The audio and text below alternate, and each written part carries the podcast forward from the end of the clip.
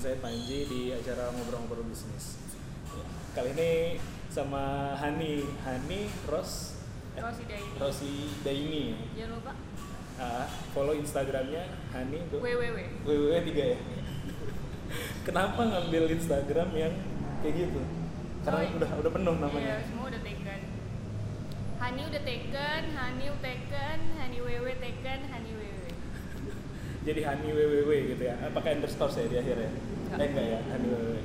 Nah, aku sebenarnya kenal apa ya? Tahu ya pertama kali Hani ini dulu tuh waktu itu ngerjain projectnya pertama kali project sama Mas Ivan sama Mas Putut karena aku basicnya di coworking eh, ngelola coworking space waktu itu dia mau bikin Bismesco ya Nah. Bismesco nah sempat ngobrol-ngobrol lah terus waktu itu oh ntar di follow up ya sama timku nih. Nah salah satunya ke mention Hani gitu kan sama siapa waktu itu ada beberapa apa ada beberapa ini lah. Oh, terus baru ini. Cuman waktu itu akhirnya projectnya nggak jadi ya. Projectnya nggak jadi tapi kayaknya aku udah follow di Instagram atau udah udah friends di Facebook lah kayak gitu. Pertama kali sebenarnya kayak gitu. Kalau benar-benar ketemunya itu Australia Award Australia apa ya Geng-geng alumni OSI. Iya iya iya geng-geng alumni OS, alumni OS lah, OS alumni gitu lah. Nah terus aku gara-gara itu jadi follow kan, apa lihat-lihat oh ya ternyata aktif di entrepreneurship, aktif di bahkan jauh sebelum itu ya. Oh, oh. Bisa diceritain nggak han ininya apa backgroundnya atau apa sih yang lagi dikerjain gitu? Ini sebenarnya tema vlog lu kan kebanyakan entrepreneurship bisnis betul. ya. Hmm. Ini kan duniawi sekali. Kalau kita ganti topiknya jadi ibadah? Ibadah. Kemarin gue baru recording ya, kemarin banget nih, eh, itu di masjid. Temanya Bisnis juga tapi. soalnya gue kalau misalkan lihat video-video bisnis gitu Iya, iya, tips-tips bisnis pasti Ah. komennya ada yang duniawi Oh, gitu. uang nggak dibawa mati bikin akhirat aja Gak harus seimbang lah, harus seimbang kayak gitu ya. Maksudnya kalau yang apa Jadi ini namanya? karena kebanyakan vlog lo bisnis sekarang kita bahas ibadah oke tapi ayat-ayat tentang berbisnis Benar, Luis. Kenalan dulu lah, kenalan dulu. oke Hai guys, nama saya Hani. Saya juga punya channel YouTube namanya Rosida. Iya. Banyak itu aku lihat ada vlog apa eh, di Enggak. di summit apa gitu Aku ya. baru posting dua video karena males ngedit. Tapi yang lama-lama tuh kelihatan tahu. Eh, itu Belum nggak nggak video-video di jadul nggak di tujuh private atau. Eh, nama Hani hmm, asli Bandung Eh, background teknik eh, soalnya teknik sipil tapi lanjut di teknik informatika Hmm? jadi ya jadi background gua ada sipil ada informatika it- pokoknya backgroundnya tadinya teknik Iya. terus di informatika ya. Iya. Lebih lebih banyak di informatika. akhirnya sekarang focusing di data science, Science, atau ya. data analytics nah eh, ngomonginnya bisnis ya sebenarnya jadi gua tuh hidup gua justru lagi pivot nih sekarang Hidup Jadi yang pivot ya, bukan bisnis atau startup yang Jadi pivot kalau ya. kalian eh, kalian mungkin bisnisnya pivot, kalau hidup gue yang pivot sekarang. Jadi gue sempet bisnis dari eh, mungkin nah, 10 tahun yang lalu. Hmm. Ya sekitar 10 tahun yang lalu udah sempet bisnis macam-macam. Gue sempet bikin summer school Hmm. sama temen gue tuh eh, setup summer school buat bule. Jadi ah, undang so ya menarik tuh. anak-anak muda dari berbagai negara buat stay Indonesia. di Indonesia. Dua minggu satu bulan gitu. ya. Uh-uh. Oh iya menarik. Uh, untuk full belajarnya culture jadi belajar nari main alat musik Oh. dan itu mereka masih bayar sekitar 2000 dolar Hmm. dan semua mereka yang tanggung jadi nggak ada scholarship sama sekali tapi itu pun peminatnya banyak Hmm. walaupun uh, marketingnya seadanya waktu itu terus gue sempet nyobain properti Hmm. yang bi- biasa lah dari flipping rumah Oke. ya kan itu sempet pengen jadi developer sampai akhirnya mikir apa ya bedanya developer kita jadi developer sama developer developer yang lain Hmm. akhirnya Nilai tambahnya apa uh, gitu. uh, akhirnya gue pikir oh kalau developer rumah murah banyak lah Hmm. banyak yang terkenal jadi developer ya perumahan mewah apalagi Hmm. waktu itu yang gue kebayang adalah developer smart home karena Oke. kalau gue ngomong smart home sama orang-orang mereka tuh belum ada satu nama yang tercetus Belum jadi ada top of mind ya. Iya, top of mind-nya belum ada. Jadi kalau gue masuk situ kayaknya gue bisa jadi. Ya kan kalau bisnis tuh lu punya dua pilihan either you be the first or be the best ya kan Hmm. nah gue pikir kalau top of mind belum ada you can be both Ya, oke. you can be the first and be the best at the same time Oke. harapannya kayak gitu Dan different juga dari yang ada, yang existing tadi kan oke standar rumah mewah, standar rumah murah, tapi ngambil smart home gitu. Nah terus gimana tuh? Smart home karena berarti kan karena gue konteksnya lihat pun orang-orang yang siapa tuh yang terkenal namanya Elang ya elang ya, ha. dia even awalnya dari rumah murah pun ujung-ujungnya dia pasti flipping aja awalnya kan ya. ujung-ujungnya pasti ngelola rumah yang jauh lebih besar juga kan Ah. jadi nggak nggak ada lah kayaknya stay di rumah murah doang Oke. karena kalau lu sama kayak bisnis ya kalau lu fokus di UKM doang gitu eh, ibaratnya kelas yang agak-agak bawah gitu UKM doang atau kelas rumah kelas murah doang Hmm. lu tidak akan bisa mengeskalasi eh, komoditasnya kan Iya iya iya. tapi yang lu bisa lakukan adalah harus memperbanyak kuantitas Quantity betul. jadi UKM yang harus banyak Hmm. atau ya rumah murahnya harus banyak dan itu kan lumayan costly effort, juga uh, ya. Jadi Jadi- nggak- jadi arah ngambilnya justru ngambil yang ke premium agar mungkin kuantitasnya nggak terlalu banyak tapi bisa main di harga lebih mahal gitu ya. Kalau gue sih waktu itu mikirnya smart home itu kenapa? Karena waktu itu tim gue tuh uh, anak-anak engineering semua. Hmm. Jadi full engineeringnya tuh multidisiplin banget. Jadi ada uh, arsitektur, ada elektro, arus arus kuat arus lemah, Hmm. habis itu ada teknik sipil, ada macam-macam teknik lingkungan juga. Jadi gue pikir punya resource yang uh, Bagus lah. bagus, best talent. Dan kalau kita jadi developer, kok kayaknya kita cuma bisa kerja kalau ada tanah doang gitu Iya betul. sedangkan kita punya skill nih jadi gue waktu itu mikirnya smart home itu adalah pertama eh, diferensiasi yang kedua adalah kalau lo fokus di smart home yang bisa lo jual tuh banyak banget Iya bisa jasa ke, ke perumahannya Ah, ah, gitu jadi ya. kayak lo nggak harus develop rumahnya fisik tapi lo mungkin bisa main smart energinya ya kan Ah, iya, iya. lo bisa smart eh, water smart environment jadi waktu itu eh, konsep smart home gue tuh holistik lah Hmm. jadi eh, ya jual fisik plus smart energy jadi listrik yang ngasilin sendiri air bersih yang ngasilin sendiri Iya.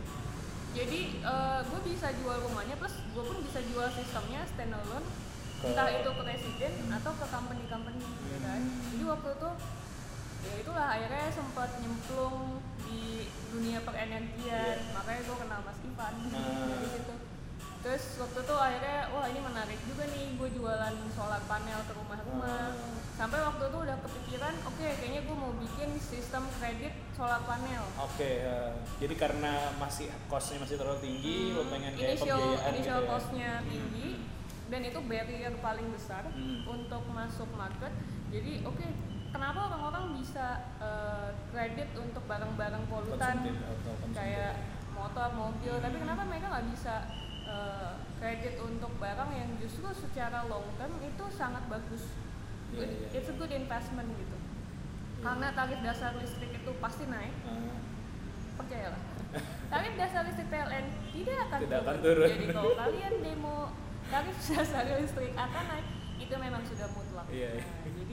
Nah, tarif dasar listrik naik sedangkan eh, cost teknologi itu pasti turun Ah, makin lama makin, Makin turun, betul. jadi makin besar. akan ada satu titik di mana renewable energy itu jadi satu kebutuhan Hmm. nah gue pengen itu apply ke rumah-rumah yang gue jual juga Ah. waktu itu makanya akhirnya kenal Mas Ivan terus gue akhirnya nyemplung lagi di dunia baru gue bantuin Mas Ivan manage project-project ya? renewable energy Oh awalnya dari situ ya? Heeh. Oh iya. Jadi Karena dia backgroundnya apa sih? Ah, Awina. Awin ya, Iya. Awin itu ya. Awing ya. Heeh.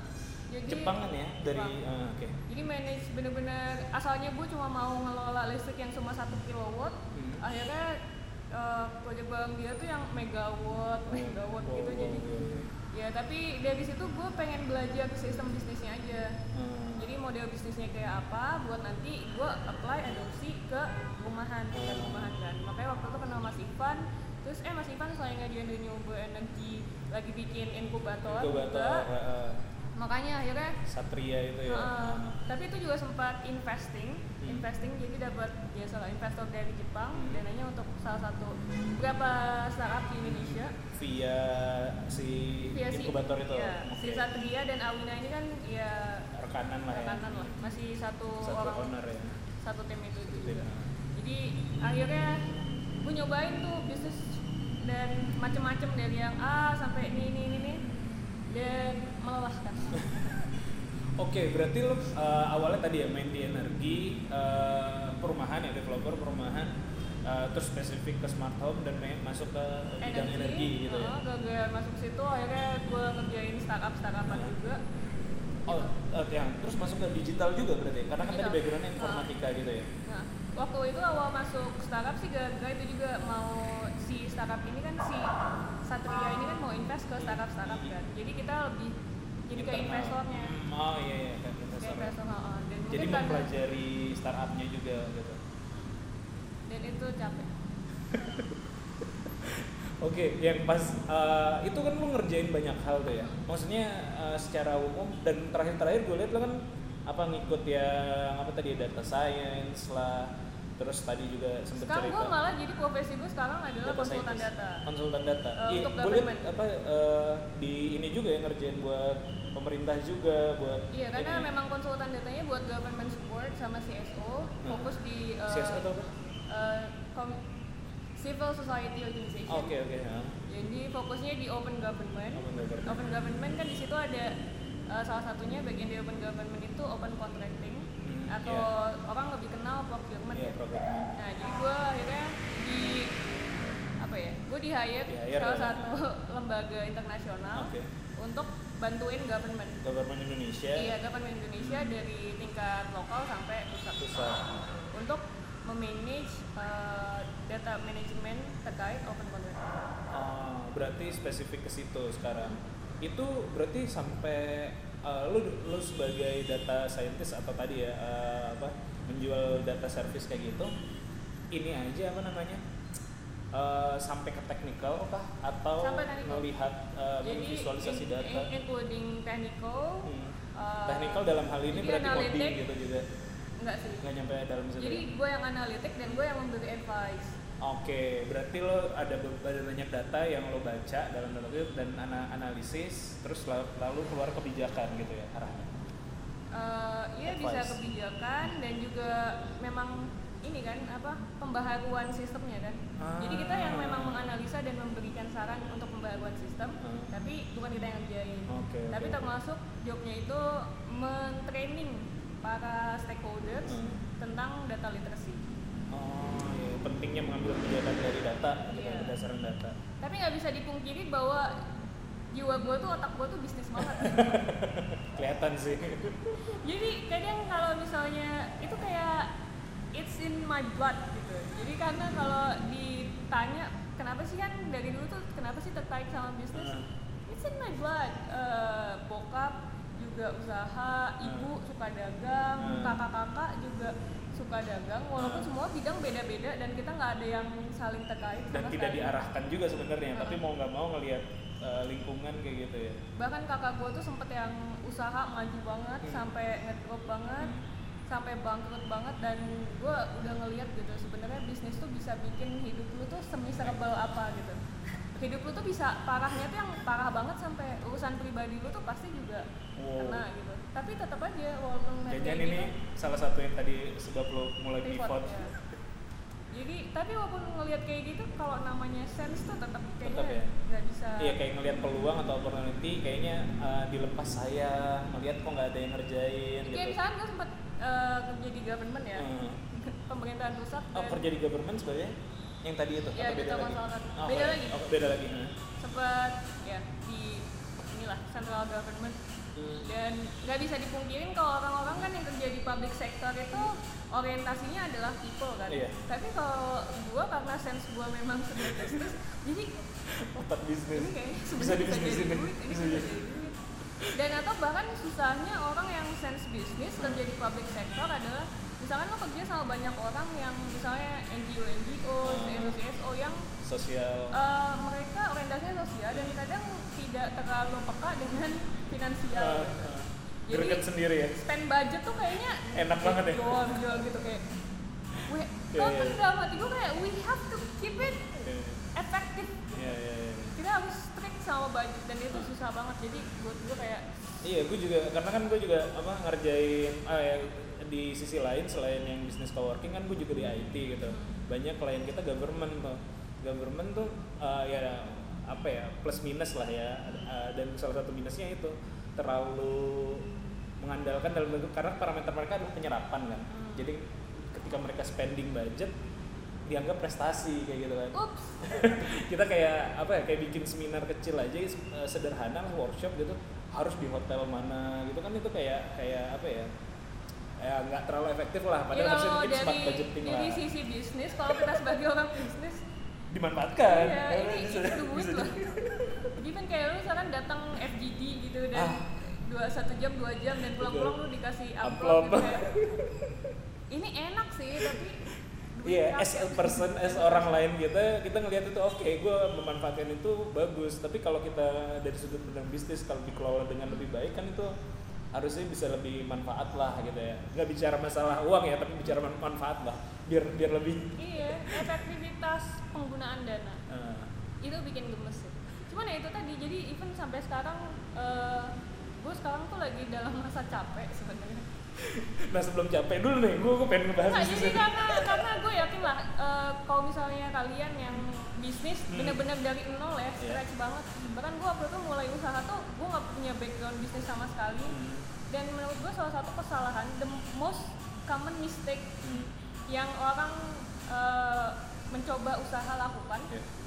orang yang pengen bikin usaha dan kesalahan yang paling sering mereka lakukan adalah they don't know how the money works. Oke. nah. you want to make money but you don't know how the money works and it's Hmm.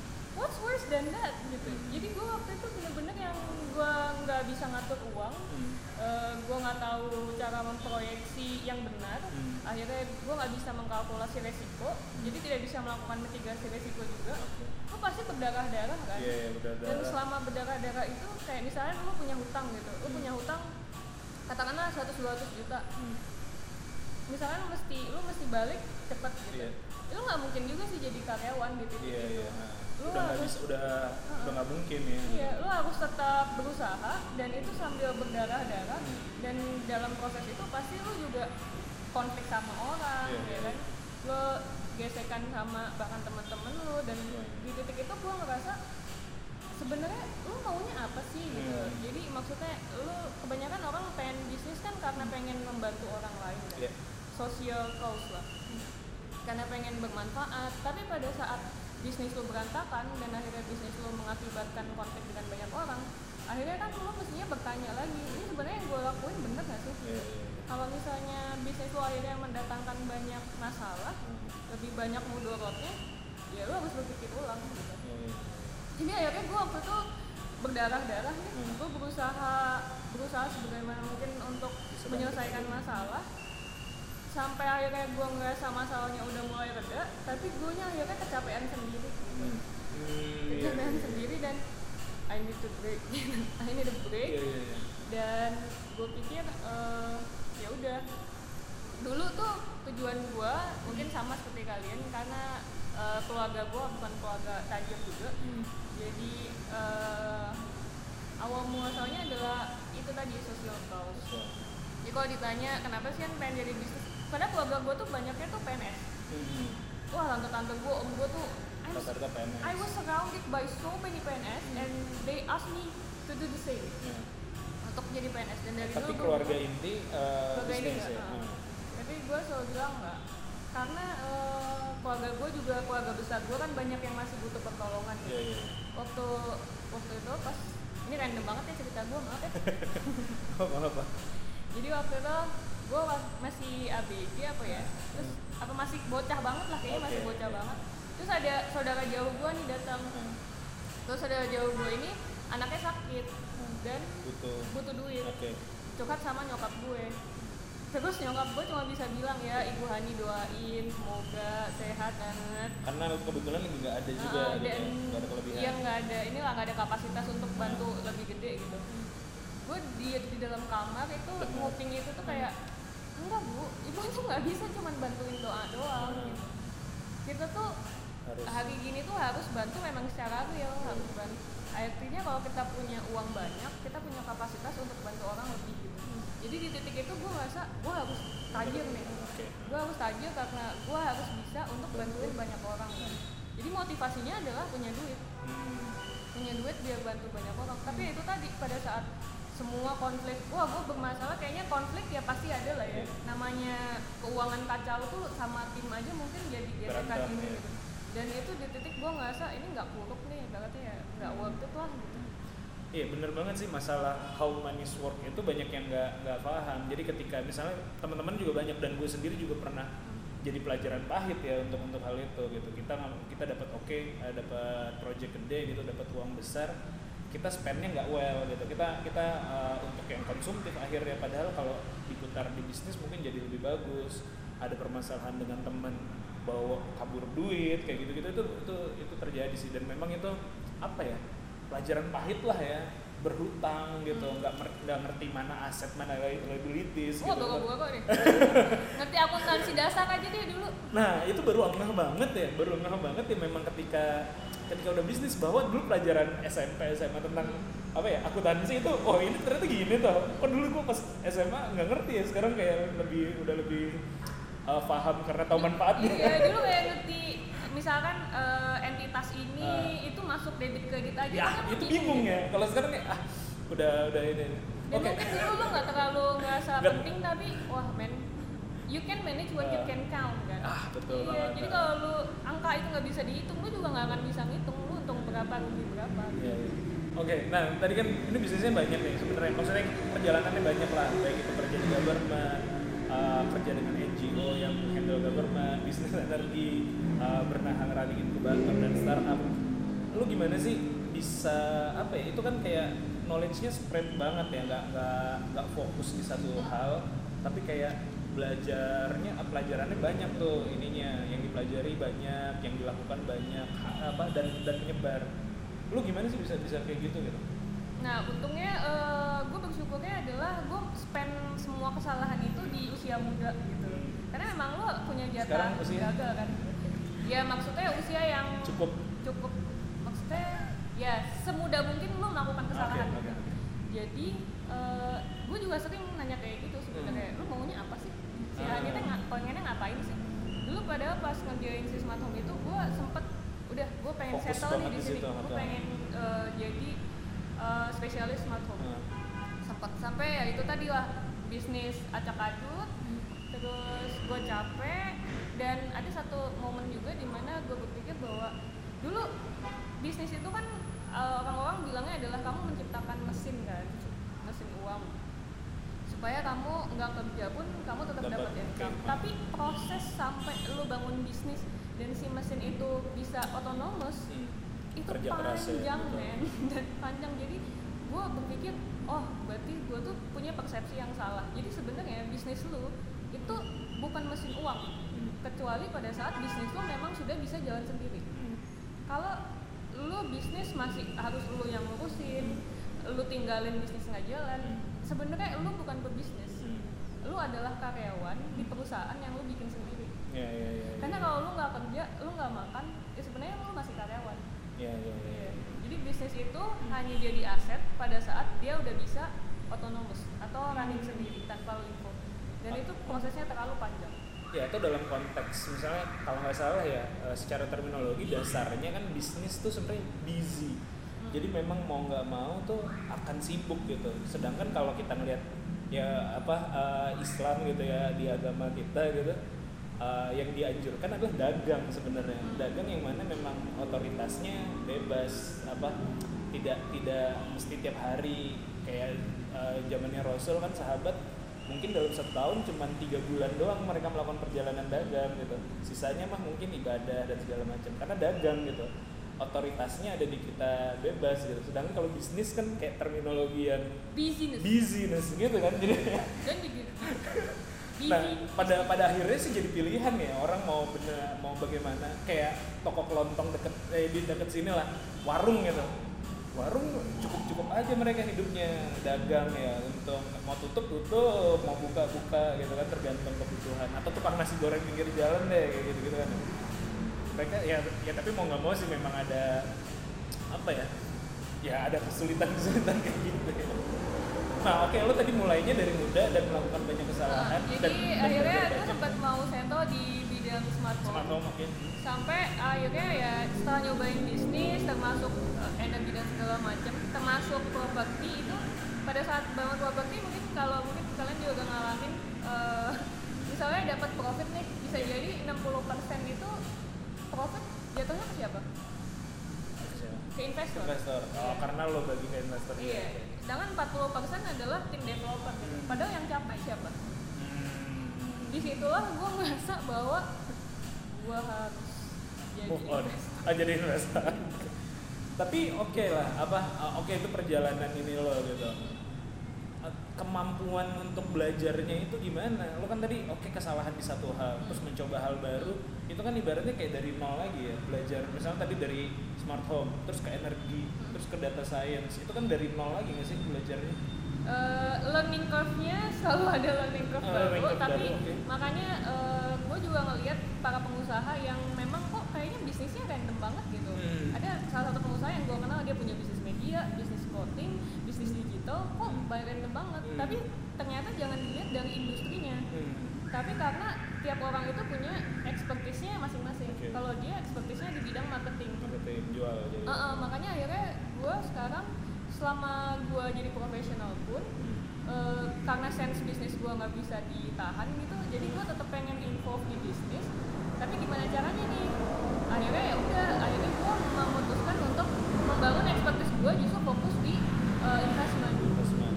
karena ya itu tadi ke- keuntungannya lo punya expertise di bidang investment yang pertama eh, lo nggak akan seribu orang yang jalanin bisnisnya. Eh, yang kedua lo bisa eh, berkecimpung di eh, banyak industri. Banyak industri dan itu tadi eh, apa namanya kalau lu udah bisa punya investment banyak udah punya mesin uang yang banyak ya sebenarnya wealth itu ya uang akan generate eh, ya dirinya sendiri Ah. gitu ya ketika ya karena Jadi- mainnya di kapital gitu ya jadi akhirnya sekarang gue memutuskan justru gue pivot dari yang running bisnis gue justru akan lebih fokus jadi investor Hmm. jadi eh, dan investor itu skill gue yang kemarin-kemarin semua itu kepake semua betul, ya. karena justru bidang teknik yang menurut gue paling relevan untuk bisnis adalah data Hmm. ya kan lo bisa eh, mengestimasi memproyeksikan lo bisa misalnya bikin credit scoring lo sendiri lo bisa menganalitik bikin sistem analitik sendiri misalkan lo mau invest saham pun lo bisa punya mesin proyeksi sendiri jadi itu kepake banget semuanya Hmm. dan semua pengetahuan berbagai industri itu kepake karena akhirnya kan gue bisa invest di industri-industri tadi Hmm. Jadi yang tadi akumulasi ilmu tadi itu akhirnya lo pakai oh kayaknya memang selama ini adalah jalannya nih. Hmm. Selama ini jalannya kayak gini kayaknya bisa nih di sekarang masuk ke investor lah ya, ke investment lah ya eh, bergerak ke situ. Nah, tadi kalau keluarga kan juga bisnis ya dan kita sekarang lagi di hotel apa namanya? Hotel Bukit. ya itu salah satu hotel di Dago Eh, punya ya itulah punya keluarga. ya Punya keluarga ya oke. Eh, dan running well ya, bagus ya bisnis ini. ya tapi di Bandung kan lagi kompetitif juga ya Ah, oke oke oke oke ya.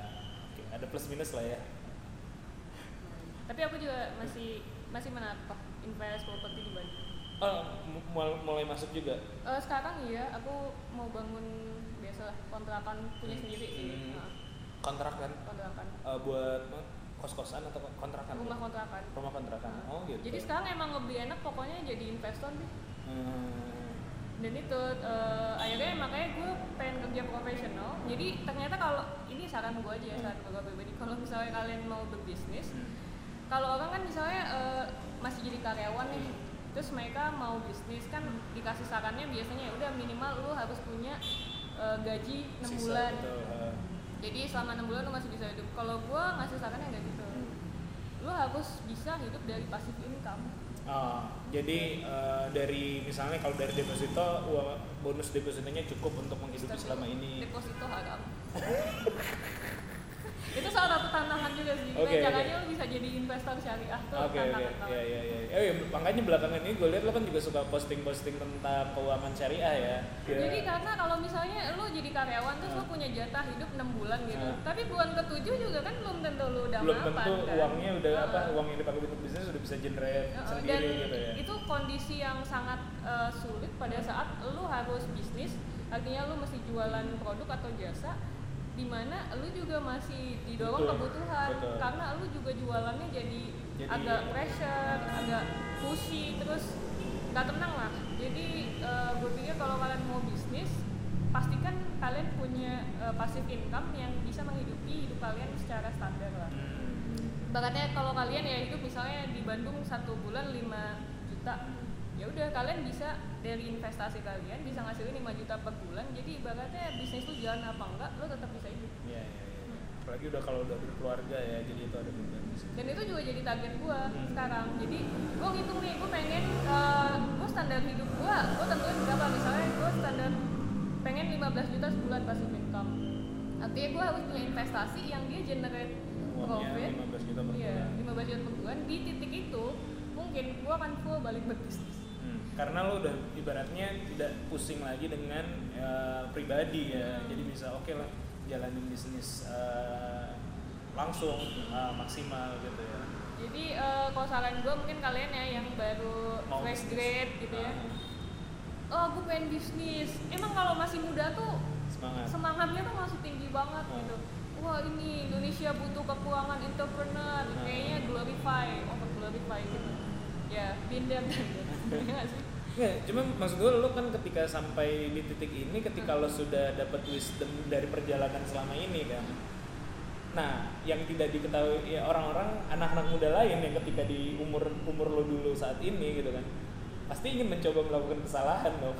Dalam tanda kutip kan, arahnya mau melakukan kesalahan. Nah menurut lo tuh bagusnya mereka salah dulu baru mengerti atau coba ah ini dengerin lah kata Hani nih jadi karena itu lear- learning cost kan namanya belajar ada biaya kan. Tapi sebisa mungkin kan kita menghindari kesalahan yang tidak perlu kan. Capek banget lah capek banget. Jadi saran gue mungkin kalau untuk ya terserah lah ya orang pasti punya pendapat lain. Kalau saran gue sih kalian yang fresh graduate masuk company nih oke. yang Besar. gajinya gede banget gaji misalnya 100 juta per bulan Nah, ya lu kerja aja dulu. Pertama lu nabung immerse dalam dunia corporate karena kalau lu nggak punya pengalaman corporate itu culture lu beda Iya. juga. Eh, bener-bener beda. Karena gue ngeliat eh, pengusaha-pengusaha muda juga yang mereka nggak pernah ngantor Hmm. jadinya mereka nggak tahu sistem yang bagus tuh kayak Iya, apa. betul. Akhirnya- masalah jam kerja kayak masalah waktu. Jadi selama jalan tuh kayak masih nebak-nebak ini jalanin bisnis mesti kayak gimana? Dan itu tuh capek dan itu akan costly.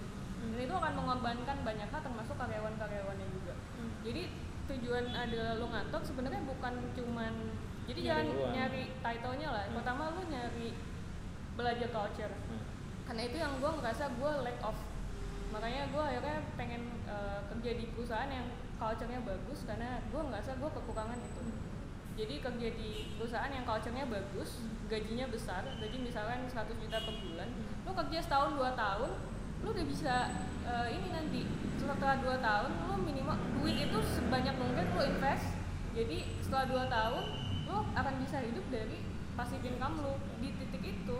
Terserah dah lu mau jadi penyanyi dangdut lu mau jadi bisnis baru kejar passion lo lah ya iya, setelah itu baru kejar menurut lo. passion lu karena di titik itu hidup lu sudah lumayan terjaga gitu. Kalau lu bisnis dengan income lu yang gak jelas dari mana wah itu gila deh dengan pengetahuan lu tentang keuangan yang sangat minim. Minim, wah ampun. Nah, selamat berjuang. Kalau nggak salah lo kan juga lagi apa lo lagi sekolah atau apa sih? Eh gue liat lo di, di Sydney ya?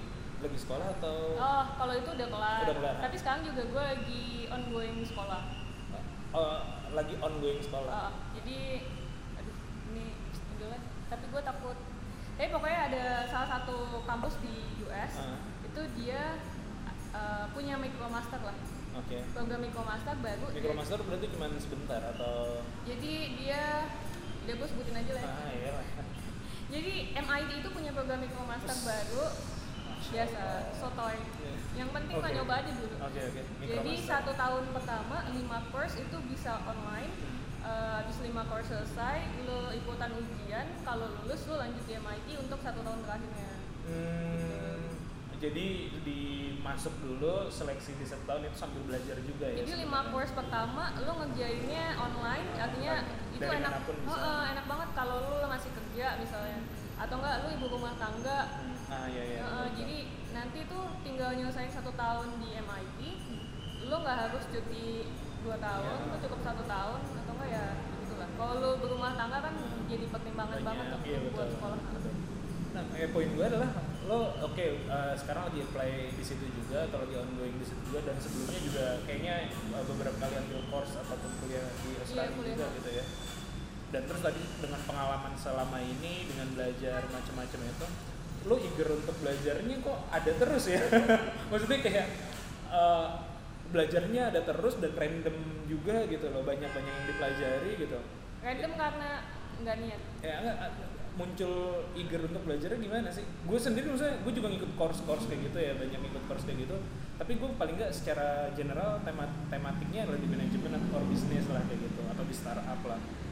Dan gue nggak suka nggak terlalu sekolah nggak terlalu suka sekolah formal karena nggak suka ujian sebenarnya kalau gue secara pribadi ya. Kan nggak semua sekolah ada ujian Iya, apa pun lah gitu lah. Saya ujian kan dalam tanda kutip bisa bikin paper itu ujian juga gitu kan. Ini gue sekalian nanya nih. apa ya? Sebenarnya gue tuh sempat ada di masa gue vakum sekolah. Hmm. jadi gue udah udah, udah eh, fokus bisnis dan gue lagi cabut dari sekolah dan apa ya? Sebenarnya di titik itu juga udah ngasilin duit. Oh nanti orang bilang kalau udah bisa ngasilin duit lupa sama sekolah gitu. Tapi entah kenapa kalau gue memang apa ya? Dulu gue kadang mikir nih kalau sombong-sombongnya kan sama anak-anak itu juga ya kita sama Lebih lah kita. intelektual kita sebenarnya nggak tahu jauh ya kita punya kemampuan intelektual yang bagus tapi somehow eh, institusi itu men- melegitimasi kemampuan lo gitu. Hmm, oke oke. Ya, misalnya lo ngaku pintar gitu lo anak mana Nah, jadi sebenarnya kadang kita butuh legitimasi itu Nah. awalnya kayak gitu tapi apalagi di kondisi kita saat ini Indonesia masih sangat menghargai hal-hal yang kayak gitu ya. Tapi eh, di samping itu motivasi gue memang ya belajar sih. Oke, tadi lanjut ya yang lanjut Iya masalah sekolah menurut lo ya Iya. tadi ya keprofesian tadi itu. Ha-ha. Jadi gue suka bilang kalau sebenarnya kuliah itu hanya dibutuhkan sebenarnya untuk orang-orang yang butuh keprofesian, Hmm. kayak kedokteran, pengacara, iya Hmm. akuntan kayak gitulah. Karena sepintar apa pun dulu belajar sendiri otodidak gitu, lu nggak bisa klaim diri lu dokter Iya iya. atau iya. pengacara. Makanya lu butuh institusi untuk legitimasi kemampuan lo dan title lo itu. Tapi kalau kemampuan yang lain Hmm. bukan profesi apalagi programmer, desainer, man you don't need schools for that. sebenarnya. Yang penting lo uh, punya skill. Tapi memang sekolah itu akan membentuk metodologi berpikir. Hmm. Jadi yang paling beda adalah lo diajarin bagaimana metodologi yang tepat meriset sesuatu dan melakukan sesuatu. Hmm. Lebih sekuensial lah. Uh, lebih terstruktur lah ya untuk belajar Hmm, macam-macam. beda banget lah. Makanya lo masih sambil ngambil-ngambil sekolah-sekolah juga kayak gitu ya. Oke. Oke, terus apa tadi ya? Lo pivot, pivot dalam hal ini berarti arahnya lebih ke arah investor tadi itu ya dalam hidup ini. Walaupun Atau itu ada- sempat juga ada galau sih. Jadi kayak predikatnya lu bisnis tuh kelihatan lebih fancy Hmm. dibanding lu jadi investor. Oke. Ya, enggak juga sih. Ya tergantung orang lah ya. Iya. Jadi mungkin sempat ada kepikiran kayaknya kalau pebisnis tuh lebih keren aja Oke, oke. dibanding investor. Tapi sebenarnya kan kita harus balik tujuan awalnya apa? Hmm. Tujuan awal gua adalah banyak duit. nah kalau tujuan awal lu banyak duit ya sebenarnya kan lu bisa Ya, lewatin jalan waste-nya mana pun dan ya. ya udah kalau ternyata jadi investor jauh lebih profitable jadi gue memutuskan sekarang fokusnya investment sih Hmm. dan pengetahuan gue tentang berbagai industri itu akhirnya ngaruh ke gue karena akhirnya gue punya uh, preferensi atau presiden pada saat gue mau invest ke Bidang industri yang beda-beda gitu. juga Eh, dan terus sekarang mungkin lebih tadi ya eh, konteksnya lebih arahnya lebih ke cari yang syariah yang seperti itu ya. Iya. itu tantangan banget sih kayak gue posting ya kalau kalian yang follow Instagram gue mungkin tahu gue sering posting di story tentang uh, keuangan dan investment dan selalu aja ada orang yang komen itu syariah nggak kak? Seolah-olah kayak seolah-olah kayak dia doang gitu yang mikirin syariah apa enggak tapi itu memang salah satu challenge-nya sih karena susah untuk menemukan instrumen keuangan yang benar-benar bebas dari hal-hal di bawah. Hmm. Ya ibaratnya lu mau masuk saham aja lu udah milih saham-saham Syariah. syariah nih. Tapi ada juga eh, persepsi yang enggak saham itu enggak syariah. Ya ada ada yang lebih memviolate Eh, itu. karena ini itu ini itu. Udah pokoknya yang aman itu hanya properti dan emas. Tapi kan men Iya, iya, iya. it- susah banget. Ya tapi pada satu titik kita ini sih kita berpegang pada apa ya? Soalnya kan ketika klaim tentang saham ya, misalnya saham ya kita bahas saham, saham syariah kan kita ngambil fatwa kan, ada fatwanya, ada ulama yang memang sudah memfatwakan, ada nih saham-saham yang boleh, saham-saham yang termasuk listing saham syariah Nah, kayak itu gitu. kalau ada yang sudah menghalalkan kenapa tiba-tiba kita mengharamkan? Nah, tapi dalam konteks yang lebih luas lagi ada juga yang bilang kan eh, apa namanya ya tadi sebenarnya perdagangan sahamnya sendiri tidak ada dulu tidak ada. Jadi jadi eh, ya tergantung pendapat mana yang mau diambil pada ujung-ujungnya. Dan preferensi orang ya kadang-kadang gitu juga. Seperti lo bilang tadi emang lo apa kayaknya mereka merasa paling Biasa mereka doang yang peduli halal haram ya gitu. kita juga berusaha lah apa pun itu gitu. Makanya itu akhirnya kita mau masuk surga loh semua. Iya akhirnya ya ngapain lu tajuk kalau duitnya riba men? Iya, iya, iya. maksudnya ujung-ujungnya kan kita mencari keberkahan kan? Dan apa tadi aku mau ngomong. Ah ya sering posting-posting di Instagram Eh, ya pokoknya gitulah. Jadi oh ya jadi itu pun akhirnya bikin learning curve baru. Hmm. bikin learning curve baru karena kalau gue mau jadi investor Hmm. akhirnya gue terpaksa harus belajar Islamic finance. Jadi gue sempat kepikiran juga apa gue ngambil S2 nya Islamic finance. gitu. Cuman kan suami gue orang ekonomi nih terus dia ngasih sarannya kayaknya kalau Islamic finance jadi praktisi aja. Hmm. karena sebenarnya apalah nggak tahu. Oh, Oke oke. Karena udah kayaknya untuk Islamic Finance baru ada di London nih kalau nggak salah ya atau di ya UK lah di UK lah ya. dan katanya areanya tuh tidak terlalu luas untuk dieksplor tidak seluas ekonomi lah Ekonomi. tapi jadi mendingan jadi praktisi aja oke kalau gitu jadi gue sekolahnya lebih ke teknikal Nah kalau dari sisi yang keuangan tadi eh, prakteknya lo sekarang melakukan investasi secara pribadi kah atau lo coba as fund manager kah atau bagaimana? Eh, jadi sekarang investasi kebanyakan pribadi, Pribadi. tapi sebenarnya dari tahun-tahun kemarin tuh gue sempat pengen bikin ya itulah kan gue pengen jadi investor nih. Da- kalau misalnya kita ngandelin duit kita sendiri kan Iya. terbatas gitu.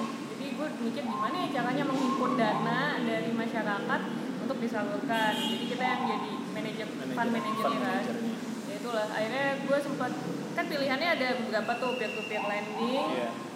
eh, crowdfunding atau koperasi. Hmm. Dan memang yang paling menarik memang koperasi. Hmm, di dan dan lokal ini juga ya. Ya, apa? jadi bu, ya kisi-kisinya nanti ke depan mungkin gue akan banyak di situ lah. Uh, main main bikin kooperasi dan segala macam gitu Ya, gitu. semacam. Mantap mantap mantap. Ditunggu nih update update nya kalau gitu.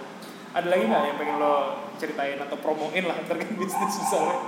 Apa yang gue promoin ya? Ya itulah. Tapi menurut gue, eh, kenapa gue sering banget sekarang posting tentang keuangan dan eh, investasi? Karena gue ngerasa kalau ada satu orang yang berubah aja, itu mengubah kehidupan dia gitu. Iya iya. Iya, paham paham. karena lu menurut gua lu akan dulu tuh gua mikir investasi itu adalah suatu opsi Hmm.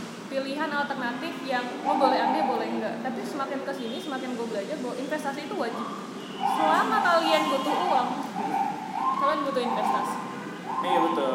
Dan uh, kalau dulu kan lagi kita kecil ya ada apa ya peribahasa atau apa sih?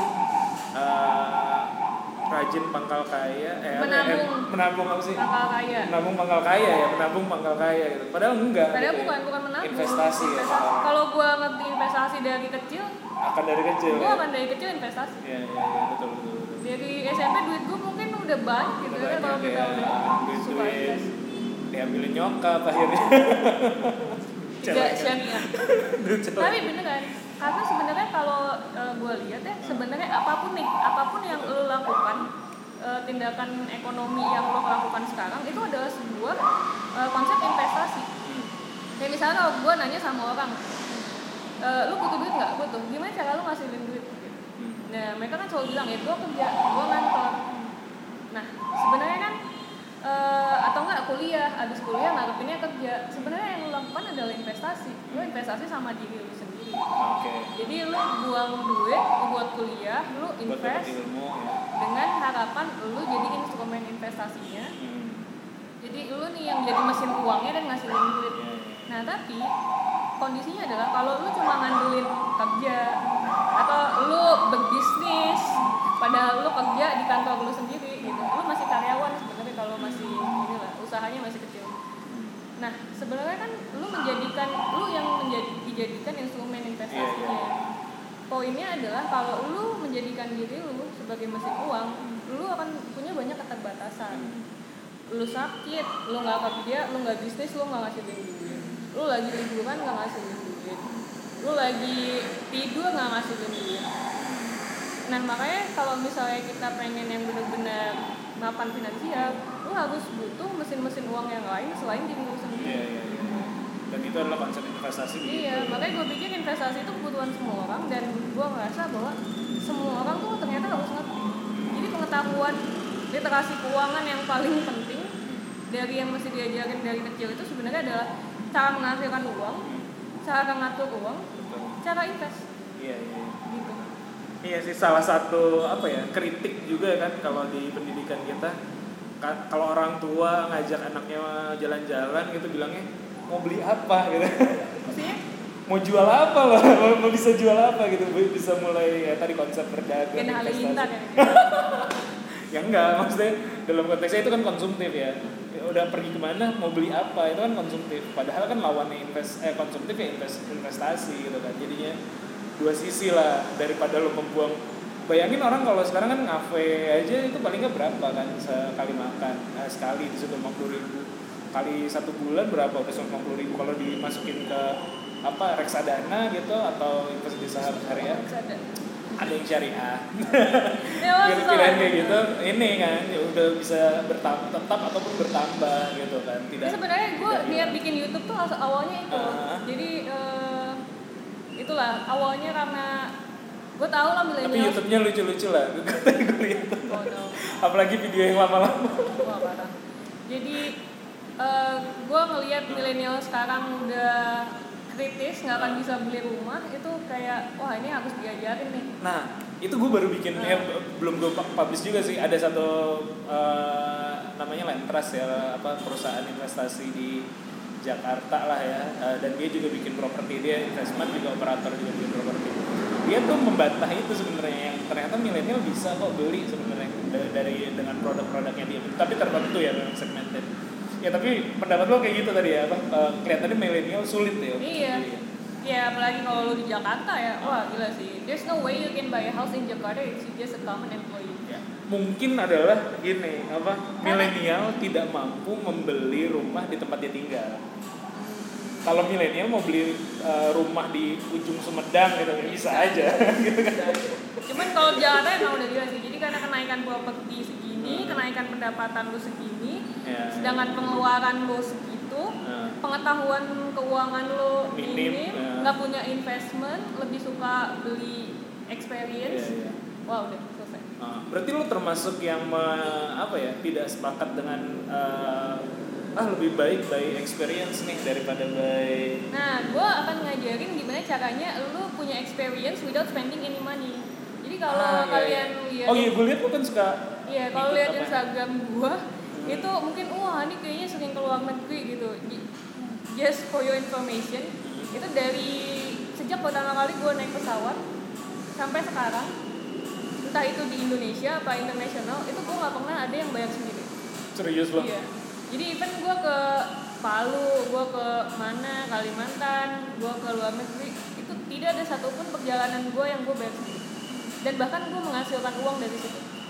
tipsnya gimana lo Jadi gue di YouTube gue sebenarnya gue pengen ngajarin gimana caranya pertama lu punya eh, income yang jauh lebih besar yang tidak akan kalah dengan inflasi yang ada di Indonesia.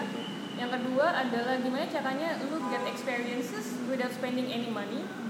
Malah lu dapat duit. Nah, yang ketiga adalah itu tadi gue pengen ngajarin soal investment. Nah, soal gimana cara lu dapat experience adalah ya lu harus ikut ini sih program ya ikut program-program nah gue akan kasih tips-tipsnya Hmm. gimana caranya lu dapet entah itu conference, eh, festival, short scholarship, summer school. Dan gue, gue juga secara pribadi eh, banyak banget yang kayak gitu tapi kebanyakan source eh, apa uh, short course ataupun ya conference mungkin baru sekali lah yang memang Ya. ada dalam ya kalau lama-lama kan ya mendingan kerja juga sih. Iya iya iya iya. Iya sih dan memang ada strategi kayak gitu juga. Hmm, kalau lu udah bisnis lu kan juga nggak mungkin ninggalin bisnis lu lama-lama kan? Dan dan sayangnya apa ya itu nggak terlalu banyak. Pun kalau kalau ada yang kayak gitu eh, apa ya gue kadang-kadang ngelihat eh, etikanya juga. Kan kemarin sempat rame tuh yang kayak apa anak-anak beasiswa LPDP yang ternyata spending uang untuk hal-hal yang di luar eh, di luar. Nanti kita sensor nama beasiswanya. Tapi suamiku juga beasiswanya dari situ. Ya tapi tidak maksudnya mungkin lebih lebih baik gitu ya. Karena kan isu-isunya tahun-tahun kemarin atau kapan ya kan namanya uangnya banyak kan nggak bisa kita banyak. kontrol juga kan. Eh, wah itu itu itu apa Mar- itu bahasannya bisa banyak banget. Pelanggaran Kema- tuh. kema- kemarin tuh kan gue posting investment investment pribadi kan. Ah, ah. tapi ada juga yang nge DM eh, Kahani kalau menurut Kahani beasiswa PDP gimana ya? Kan apa oh ya dananya Ah. eh, tidak syariah gitu dari pinjaman wah gila panjang banget. Gue bahas uang Oke. negara. Ya udah gue balik nanya sama dia menurut kamu beasiswa yang uangnya dipastikan halalan toiba beasiswa apa? Gitu Ya, kalau gue sih pada prinsipnya ya, karena rumit ya. Kayak tadi misalnya ketika ngambil instrumen investasi, ada juga yang memviolet bahwa eh, saham itu atau secara umum adalah eh, hal yang haram gitu. Makanya tidak ada istilah saham syariah dan segala macam. Kalau gue sih dan, dan dalam kehidupan yang serba modern ini, yang rumit ini, gue sih selalu pedomannya satu level aja ngambilnya. Kita dapat uang dari mana satu level ya apakah sumber kita dapat uang ini dari pekerjaan kita yang halal satu level ke atas dan satu level ke bawah kita spendnya untuk hal yang halal nggak nih? Jadi kalau dari misalnya kalau gue misalnya kerja untuk Tapi kalau lu ini ya dilihat dari hulu ke hilirnya kan iya. capek banget kan? Itu kena kena semua sekarang gitu. Bahkan bank syariah pun landasannya BI gitu loh. BI yang uh, apa Ups. ngambil ngambil fix rate gue juga sempat gitu kayak gitu men. Langsung diserang sama temen gue yang kerja di bank syariah Iya maksud gue itu lebih takut nih ini sih apa pusing lah kita juga Allah maha inilah pengampun lah kita udah berusaha. tapi memang sih kalau emang sebenarnya hidup kita sebagai manusia kan nggak pernah dilihat dari hasilnya kan Ah. tapi Allah selalu nanya kamu dapatnya gimana Iya, iya, iya. apa yang kamu Spend-nya. lakukan dengan itu Iya, iya. Kalau lu secara pribadi memang uh, sudah lama dalam apa ya uh, Islami atau lagi memang pencarian aja atau apa maksudnya tadi ya ke arah syariah ke arah uh, concernnya ter- Nah ini yang itu. menarik ya. Jadi kemarin-kemarin misalnya gue posting tentang Kevin Aprilio yang hutang 17 m dari forex Ah, oke, gitu. Dan gue bilang kan forex itu haram. Gitu. Oke, nah. Nah eh, sebenarnya ada teman-teman Forex gue tuh ini perdagangan mata uang mata ya, kurs uang ya. dan bilang oh iya tuh itu. My share, Ah, oke. macam-macam lah. Cuman kan gue tahu follower gue juga kan nggak semuanya muslim Ah. kan. Tapi gue nggak mau ngelihat makanya gue nggak mau ngambil dari sisi perspektif agama. Tapi yang menarik adalah menurut gue eh, Islamic finance itu ya atau katakanlah hal-hal yang bersifat syariah yang menarik adalah eh, itu bisa dijadikan gaya hidup atau cara hidup. Hmm. Jadi gue ngelihat secara cara syariah itu kenapa gue ngerasa bisa share ini ke even non muslim Hmm. karena lo harus lihat men ini untuk teman-teman yang mungkin bukan muslim ya Hmm. walaupun kalian tidak Islam tapi cobalah lihat e, cara syariah itu sebagai cara hidup yang menarik Hmm. karena kalau dipikir-pikir hal-hal syariah itu ujung-ujungnya gue selalu menemukan rasionalisasinya gitu Hmm. jadi menurut gue e, aturan syariah itu adalah kebijakan yang paling rasional dan pilihan yang paling cerdas Hmm. jadi kenapa kalau misalnya lo bukan muslim pun lo kalau misalnya lo kepo nih kayaknya hal ini bagus nggak ya? Coba lo lihat pandangan Islam terhadap hal tersebut. Kayak misalnya eh, ada teman gue yang pengen banget nih main di forex katanya. Ya, gue lihat, eh, gue kasih tahu. Eh, coba lo lihat pandangan Islam tentang forex. Islam kan misalnya melarang nih. Nah, lu kepoin nih kenapa dilarang. Pada saat lu kepoin, ujung-ujungnya tuh lu akan menemukan bahwa alasannya itu rasional. Hmm. Dan itu ternyata hal terbaik dan pilihan ter- cerdas yang bisa lu ambil. Hmm. Jadi gue menganggap kenapa Islamic finance itu menarik selain karena memang kalau gue muslim ingin mengikuti syariat juga karena gue merasa aturan syariat itu aturan yang paling rasional dan cerdas. Ya. Dan lebih melindungi ya, lebih protektif ya. Iya, contohnya misalnya kayak yang saham tadi ya. Kalau nggak salah kan kalau saham syariah itu misalnya salah satu kategorinya adalah dia tidak eh, apa ya rasio hutang terhadap kasnya tidak melebihi batas tertentu risiko perusahaan itu. Nah itu sebenarnya bagus bagi investment karena kan ketika gue invest di perusahaan yang rasio hut- hutangnya kecil dibanding rasio hutangnya besar, ya prefer prefer yang rasio hutangnya kecil kan. Artinya gue ya secara investasi lebih safe kayak gitu kan ketika dan kebetulan ya tadi menurut mungkin bahasa lo kebetulan dia adalah diatur dalam Islam gitu ya. Menarik menarik. menarik. pokoknya menarik kalau ujung-ujungnya tuh gue merasa Ah. main uh, Ya, syariah ya, itu ya, ya, ya. it's very rational Ya. dan itu akhirnya oh banyak hal lah kenapa makan babi dilarang karena itu pilihan paling rasional jadi ide lo Babi kurma ya, babi kurma. Iya. ide lo muslim apa bukan ya mudorotnya makan babi memang lebih banyak. Jadi pilihan paling rasional pilihan paling bijak sebenarnya tidak memakan itu.